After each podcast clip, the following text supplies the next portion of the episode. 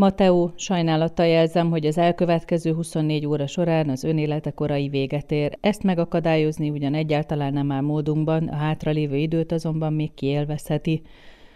A hírnök valamit magyaráz arról, hogy az élet nem mindig igazságos, aztán felsorol néhány eseményt, amin részt vehetnék a nap folyamán. Nem kéne haragudnom rá, de annyira egyértelműen unja elismételni ezeket a sorokat, amelyek már beégtek a memóriájába, míg százakkal vagy talán ezrekkel közölte, hogy hamarosan meghalnak, semmi együttérzés nem tud nyújtani nekem. Valószínűleg a körmét reszelgeti, vagy maga ellen amőbázik, míg velem beszél. A visszaszámlálókon a kilépők posztolnak bejegyzéseket mindenről, a hívásuktól kezdve, hogy hogyan töltik a végnapjukat, ez igazából egy Twitter kilépőknek. Egy rakat olyan szöveget olvastam, amiben a kilépők bevallották, hogy rákérdeztek a hírnöküknél, hogyan fognak meghalni, de mindenki tudja, hogy a részleteket senkinek sem árulják el, még Reynolds exelnöknek sem, aki négy évvel ezelőtt egy föld alatti bunkerben próbált meg elrejtőzni a halál elől, aztán az egyik saját titkosszolgálatosa gyilkolta meg. A halálhírek csak a halál napját tudja megmondani, a pontos percet vagy azt, hogy hogyan történik a dolog, nem. Nem csak Mateo kapta meg ezen a napon, szeptember 5-én tehát a rossz hírt, hanem sokan mások, közöttük egy Rufus nevű fiú is, aki Adam Silver a regényének másik főszereplője lesz. Csapodi Kinga kiadó vezetővel beszélgetünk erről a regényről, amit nekem sem sikerült sírás nélkül elolvasni, ám már akkor biztos voltam benne, hogy nem úgy fogok emlékezni majd, hogy de szomorú történet ez, hanem úgy, hogy de nagy kár lett volna, ha ez kimarad az életemből. Mindketten meghalnak a végén, ez a címe a regénynek, és ez nem vicc, úgyhogy innen indul a beszélgetésünk Csapodi Kingával. Könyvben utazom! Nagyon árukodó címe van ennek a könyvnek, az ember azt is gondolhatná, hogy minek is olvassa el, hogyha már pontosan tudja, hogy mi a vége. Mi volt ezzel a célja vajon a szerzőnek, vagy egyáltalán milyen hatást vált ki ez? Hát igen, az elején, amikor az ember nézi, akkor kicsit forgatja is a könyvet, nem? Hogy, de hát, hogyha tudjuk, akkor ennek mi értelme van. Ő is írja, szerintem nagyon jó dolog a könyv ahogy befejeződik, nem lerakni, hanem elolvasni a, a kulisszatitkokat, mert egy csomó mindent elárul, és ez nekem persze nyilván szerkesztői oldalról is érdekes volt, hogy hogyan alakult, de hogy ő annyiszor megkapta, hogy ez spoilerezi a címmel az egészet, de azt hiszem, hogy aki eljutott a végéig, az meg tud ebben erősíteni. Hogy hiába tudjuk, hogy nem lesz csavar, hogy, hogy de az egyik túlélheti, vagy a valamelyik szereplővel nem mégse történik meg. Mégis valahogy úgy tartja fenn a feszültséget, meg a figyelmet, hogy mégis van egy, egy nagyon erős befejezés ennek a történetnek, és én nagyon próbáltam eltávolodni a szereplőktől, meg a szövegtől, amikor szerkesztettem, és egészen jól tűrtem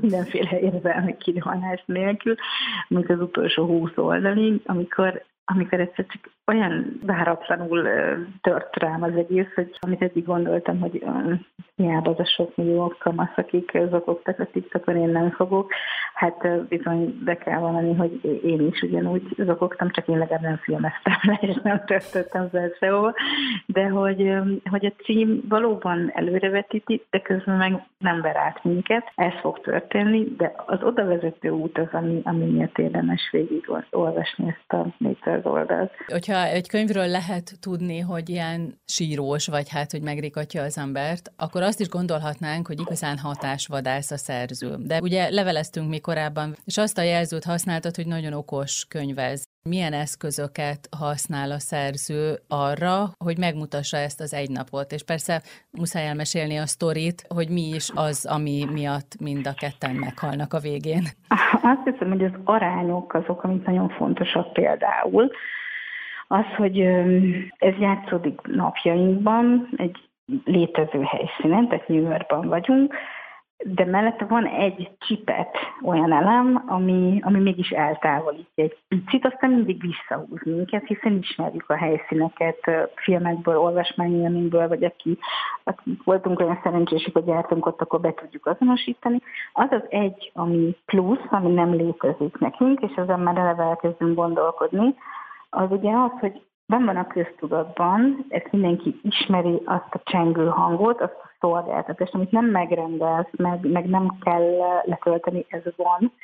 Mégpedig azt, hogy aki meg fog halni, azt aznap felhívják, hogy a következő 24 órában véget ér az ő élete. és szerintem például ez az egyik alap dolog, ugye, ami elindítja, és ami folyamatosan elgondolkodtat minket, hogy, hogy mi mit csinálnánk.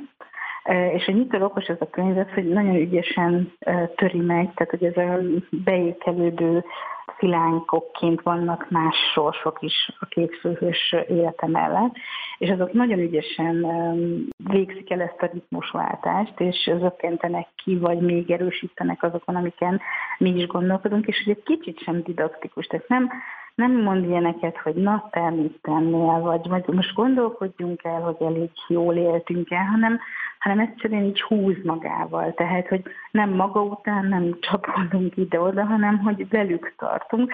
És azt hiszem, hogy ettől nagyon jó ez a könyv, meg az a stílus, ahogy Eden Silvera ír, mert hogy, hogy valahogy úgy velük vagyunk, és mellette meg amikor lerakjuk, akkor azért tovább mennek ezek a témák így a, a fejünkben, de nincsen egy dorgáló, nincsen egy ilyen nagyon számon kérő hang, nem, amibe bele tudnak esni a szerzők szerintem, és mellette mondjuk van humora, még ha nem is olyan, mint a, mondjuk a csillagainkban a hiba, hogy sokszor azért túlhúzva, de hogy van egy humora, meg tudunk mosolyogni, meg, meg úgy visszagondolni velük.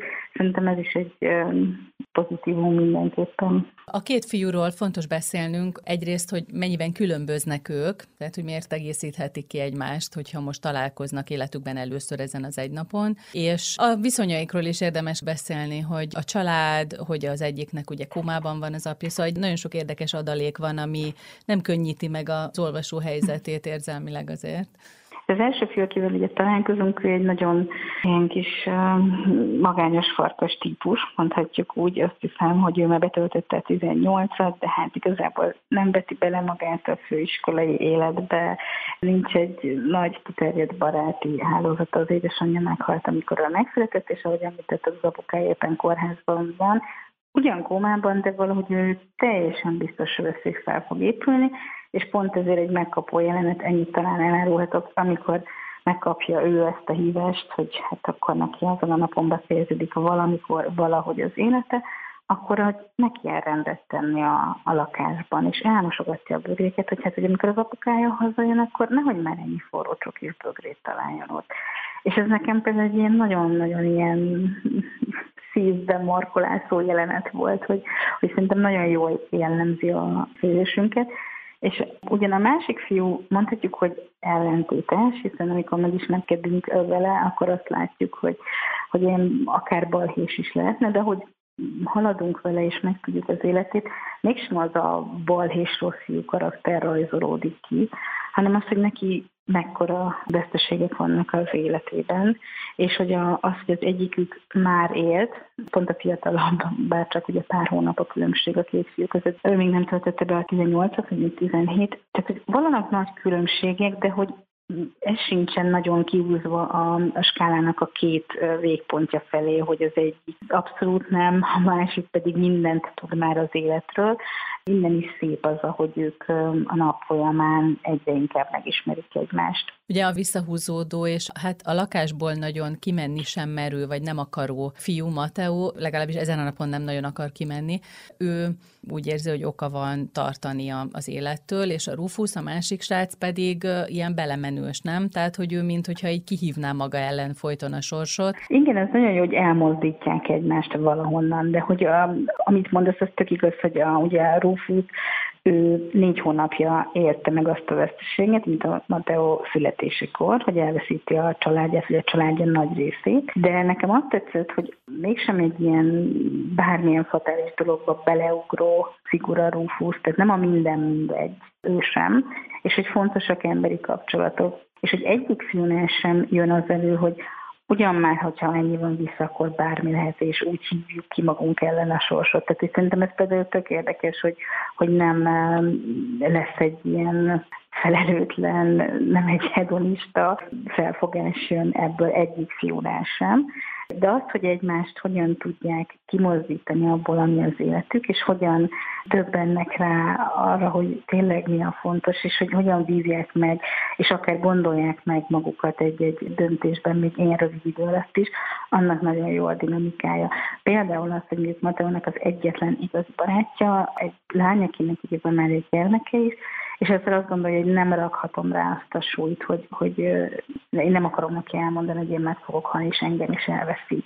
És ahogy megyünk a történetbe, például, amikor eljutunk oda, hogy, hogy de mégiscsak legyenek mellettünk azok, akik fontosak, az például szerintem egy nagyon fontos felismerés volt nekik, az nekem például egy ilyen fejlődés volt, ami, ami valószínűleg nem történt volna meg, hogyha nem találkozik a két fiú. Mert hogy ugye ez viszont nem a véletlen műve egészen, az a másik ilyen elem a történetben, hogy az viszont egy alkalmazás, amit kifejlesztenek, hogy az ember kereshet egy utolsó barátot magának, aki szintén megkapta aznap a hívást, és ők ezen az applikáción keresztül találkoznak, és döntik el, hogy akkor az utolsó pár órát így együtt fogják megélni. És hát ez a halálüzlet, erre az utolsó napra épülő üzlet, az egy nagyon érdekes ötlet a szerzőtől, nem? Egy nagyon furcsa ötlet, és hátborzongató is belegondolni, hogy az utolsó élményed, hogy a bakancslistádon mi van még, és azt megélt akár virtuálisan, szóval fú, nagyon furcsa.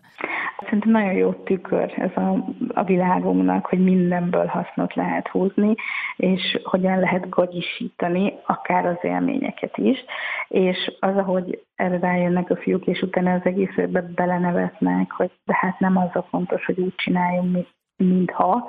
Tehát ezek a virtuális valóság dolgok, és az az iparág, ami erre a lehúzásra megy, szerintem is nagyon, nagyon zseniális, ahogy Silver ezt felépíti és kitalálta, miközben ő azt mondja, hogy ő inkább Mateónak a, a figurája, tehát magából gyúrta ezt a fiút, és azt hiszem, hogy ez a kicsit várkozott, a befelé figyelő karakter, aki, aki nézi a világunkat, és tényleg elképzeli, hogy na még akkor erre ilyet lehetne, hogyha az létezne amikor van egy jelenet, hogy ugye mennek a villamossal a fiúk, és nézik az embereket, és eljátszák ők maguk, hogy mintha éltek volna még egy jó pár évet, és hol tartanának az életükbe. Szerintem ez is egy ilyen nagyon jó szumája lehetne az egésznek, hogy miken gondolkodunk el, hogyha ha még adatott volna annyi. Tehát, hogy ezeket a kis mikrojeleneteket én például nagyon-nagyon szerettem a könyvben. Mire elegendő ez az egy nap egyébként Mateónak, meg mindenkinek talán, hiszen másokkal is találkozunk, akik megkapják ezt a hírt, és majd azokról is érdemes beszélni, akik közlik ezt a hírt, de hogy nyilván az az első gondolat, hogy hát ez borzasztóan kevés, hogy már mindenről lemaradtam, hogy már semmi új nem történhet velem, semmi, semmi nem változhat, és erre nagyon szokatlan választ ad ez a szerző. Szerintem nagyon sok van ebben a napban, bár biztos én is azt érezném, hogy mm. Úristen, tehát, hogy és az helyes, hogy ahogy végig gondoljam, hogy nem rakom ki az óromat továbbra se a lakásból, hát akkor mi lesz? Hát ugyanaz, mint eddig. És akkor ez a vívódásból, ahogy, hát igen, az, hogy, hogy az emberi kapcsolatait át gondolja az ember, és akár át is értékeli. Szerintem ez például egy nagyon jó üzenet. És az emberi kapcsolatokban az is, hogy például ami eddig nem volt, az egyszer csak beköszönt, és hogy akár, hogyha ennyi idő van, és ennyi élményt raksz bele egy majdnem egy egész napba, akkor nyilván ezek így hatványozódnak, hiszen máskor nincsen ennyi lehetőséget találkozni, kipróbálni magad különböző élethelyzetekbe. És hát ezen a ponton van az, hogy nagyon-nagyon finoman és érzékenyen mutatja meg azt, hogy ez a két fiú, akik látszólag nagyon különbözőek, és egyfolytában tanulnak egymástól, és hát, hogy egymásba szeretnek, és hogy, hogy beleférhet egy napba. És én azért szeretem amúgy ezt a vonalat, mert egy egészről nem egy ilyen lánymesésen úgy romantikus, de hogy nem is az a lényeg, hogy, hogy két fiú az, aki rájön arra, hogy jó egymásra. Lehetne itt egy fiú, egy lány, lehetne itt két lány. Tényleg a szerelem az, hogy a másik hogy gondolkodik, hogy hogyan vigyáz rám, hogy hogyan próbál ráébreszteni arra, hogy merjek lépni és kipróbálni dolgokat. Mindez olyan finoman jelenik meg, hogy, hogy abszolút, akinek fenntartásai lennének, nem kell, hogy legyenek, mert hogy a testiség például nem jön be. Az jön be, hogy jó egy másik emberrel lenni. És hogy erre nehéz sokszor rájönni, vagy nem úgy adódik, mert hogy nincsen idejük erre rájönni, vagy még nem éltek annyit, meg nem volt lehetőségük de ezért nagyon finoman fogalmazódik meg. Az az egy nap arra is jó, hogy őszintén legyek magammal, nem? Rengeteg minden kiderült róluk ezen a napon, saját maguk számára is. És nem csak maguk fontosak, hanem hogy kitől, hogy búcsúzok el, és hogy ez is benne van ebben abban, amit mondasz, hogy én rájövök, hogy mik fontosak, meg kik fontosak, meg hogy egy picit tényleg azt átgondolni, hogy hogyan kellene, vagy kellett volna élni. Szerintem az olvasónak még ezt tud nagyon sokat adni, hogy, és erre mondtam, hogy nem didaktikus vagy számonkérő, hanem, hanem egyszerűen ösztörösen vagy akaratlanul is, de nem tudsz más csinálni, mint hogy gondolkodsz, hogy és, és én olyan vagyok, hogy vannak nekem is ilyen emberek az életemben. Tehát hogy például szerintem ez egy nagyon fontos hatása ennek az egész regénynek. Hmm, bizony. Ugye megjelenik itt a celebvilág, megjelenik a média, és amit említettem is, hogy azok, akik ezt a halálhírt közlik, nekik is van lelkük, nekik is van életük, ők is tévedhetnek, amiben az ember azért olvasóként belekapaszkodik, hát ha ez most az a helyzet, mm-hmm. ugye? Igen, és pont ezért mondtam például nagyon okos, mert hogy ezek így beszúródnak a fő szövegtestbe, vagy ebbe a két fiú nézőpontjába, és ettől így nem nehezebb olvasni, nem pont, hogy lazítja egy kicsit, hogy néha kizökken, és olyanok, mint nem tudom, a jó egypercesek, vagy egy ilyen jó tárca, amit ugye az ember elolvas, és önmagában is érthető lenne, de hogyha összerakod, akkor még egy másik világ kirajzolódik. Meg azok nagyon szépek, hogyha az ember megnézi akár azt a az ábrát is, amit maga a szerző rajzolt, és a könyv hátuljában mi belecsempésztük, hogy, hogy ki kit ismerhetne, vagy hogy teljesen filmesen gondoljuk el, hogy látjuk, hogy ja, hogy ő is akkor ott van azon a közlekedési eszközön, vagy pont mellettük, és hogy így, így elkezded filmesen nézni ezt a kirakót, nem? És összeáll az egész, hogy, hogy tényleg hogy csúsznak el mi véletlennek mondjuk, vagy nem tudom minek, másodperceken életek, meg találkozások, meg minden, és, és attól jó az, hogy a, hogy így összeépül ez az egész világ, tehát tök komplex, de mellette az ő történetük, az meg elgondolkodtat, hogy igen, annak, aki egész nap halálhíreket közöl, annak milyen lehet. Az, aki megjátsza magát, azzal most azért elég sokat találkoztunk filmben, regényben, ez az insta valóság, a, a celeb, ahogy mondod, hogy mindig más mutat.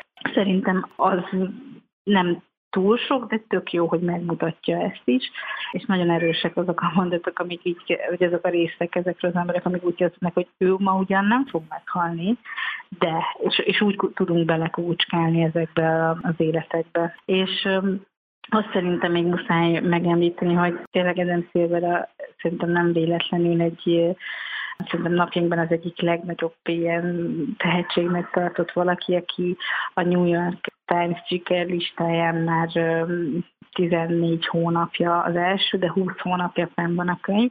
És ugye az is érdekes, hogy ezt megírta 17-ben, nem volt rossz a fogadtatása, majd amikor a TikTokon elkezdték felkapni, és kamaszok 47 millió TikTok bejegyzést találtunk arra, hogy, hogy erre a könyvre hivatkoznak. És 47 milliót?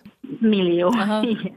A buktok bejegyzés van erre, ahol sírnak kamaszok, mert hogy, hogy, hogyha jót akarsz sírni, akkor olvasd el ezt a könyvet. Tudom, furcsa ez a hajót akar sírni kifejezés, tehát hogy, hogy ezt már nem ő indította, hanem közben a világunk változott ennyit, és azért tudott ennyivel az első kiadás után egy akkor átugrani, és olyan hosszú ideje az első helyen lenni ennek a nagyon rangos listának, mert hogy valahogy hozzáalakult, tehát egy kicsit előbb írta meg, mint nem lemásolta a világunkat, tehát hogy ettől is zseniális szerző szerintem ez a New Yorkban élő fiatal. Nem Szilver, akinek ugye már egy könyve jelent meg nálunk az Inkább Boldog címmel, tehát szerintem tényleg nagyon érzi, hogy hogyan gondolkodnak a fiatalok, és itt a fiatalok alatt nem azt mondom, hogy lemásolja a kamaszok gondolkodását, hanem ezt mostani korunkat érzi nagyon jól, és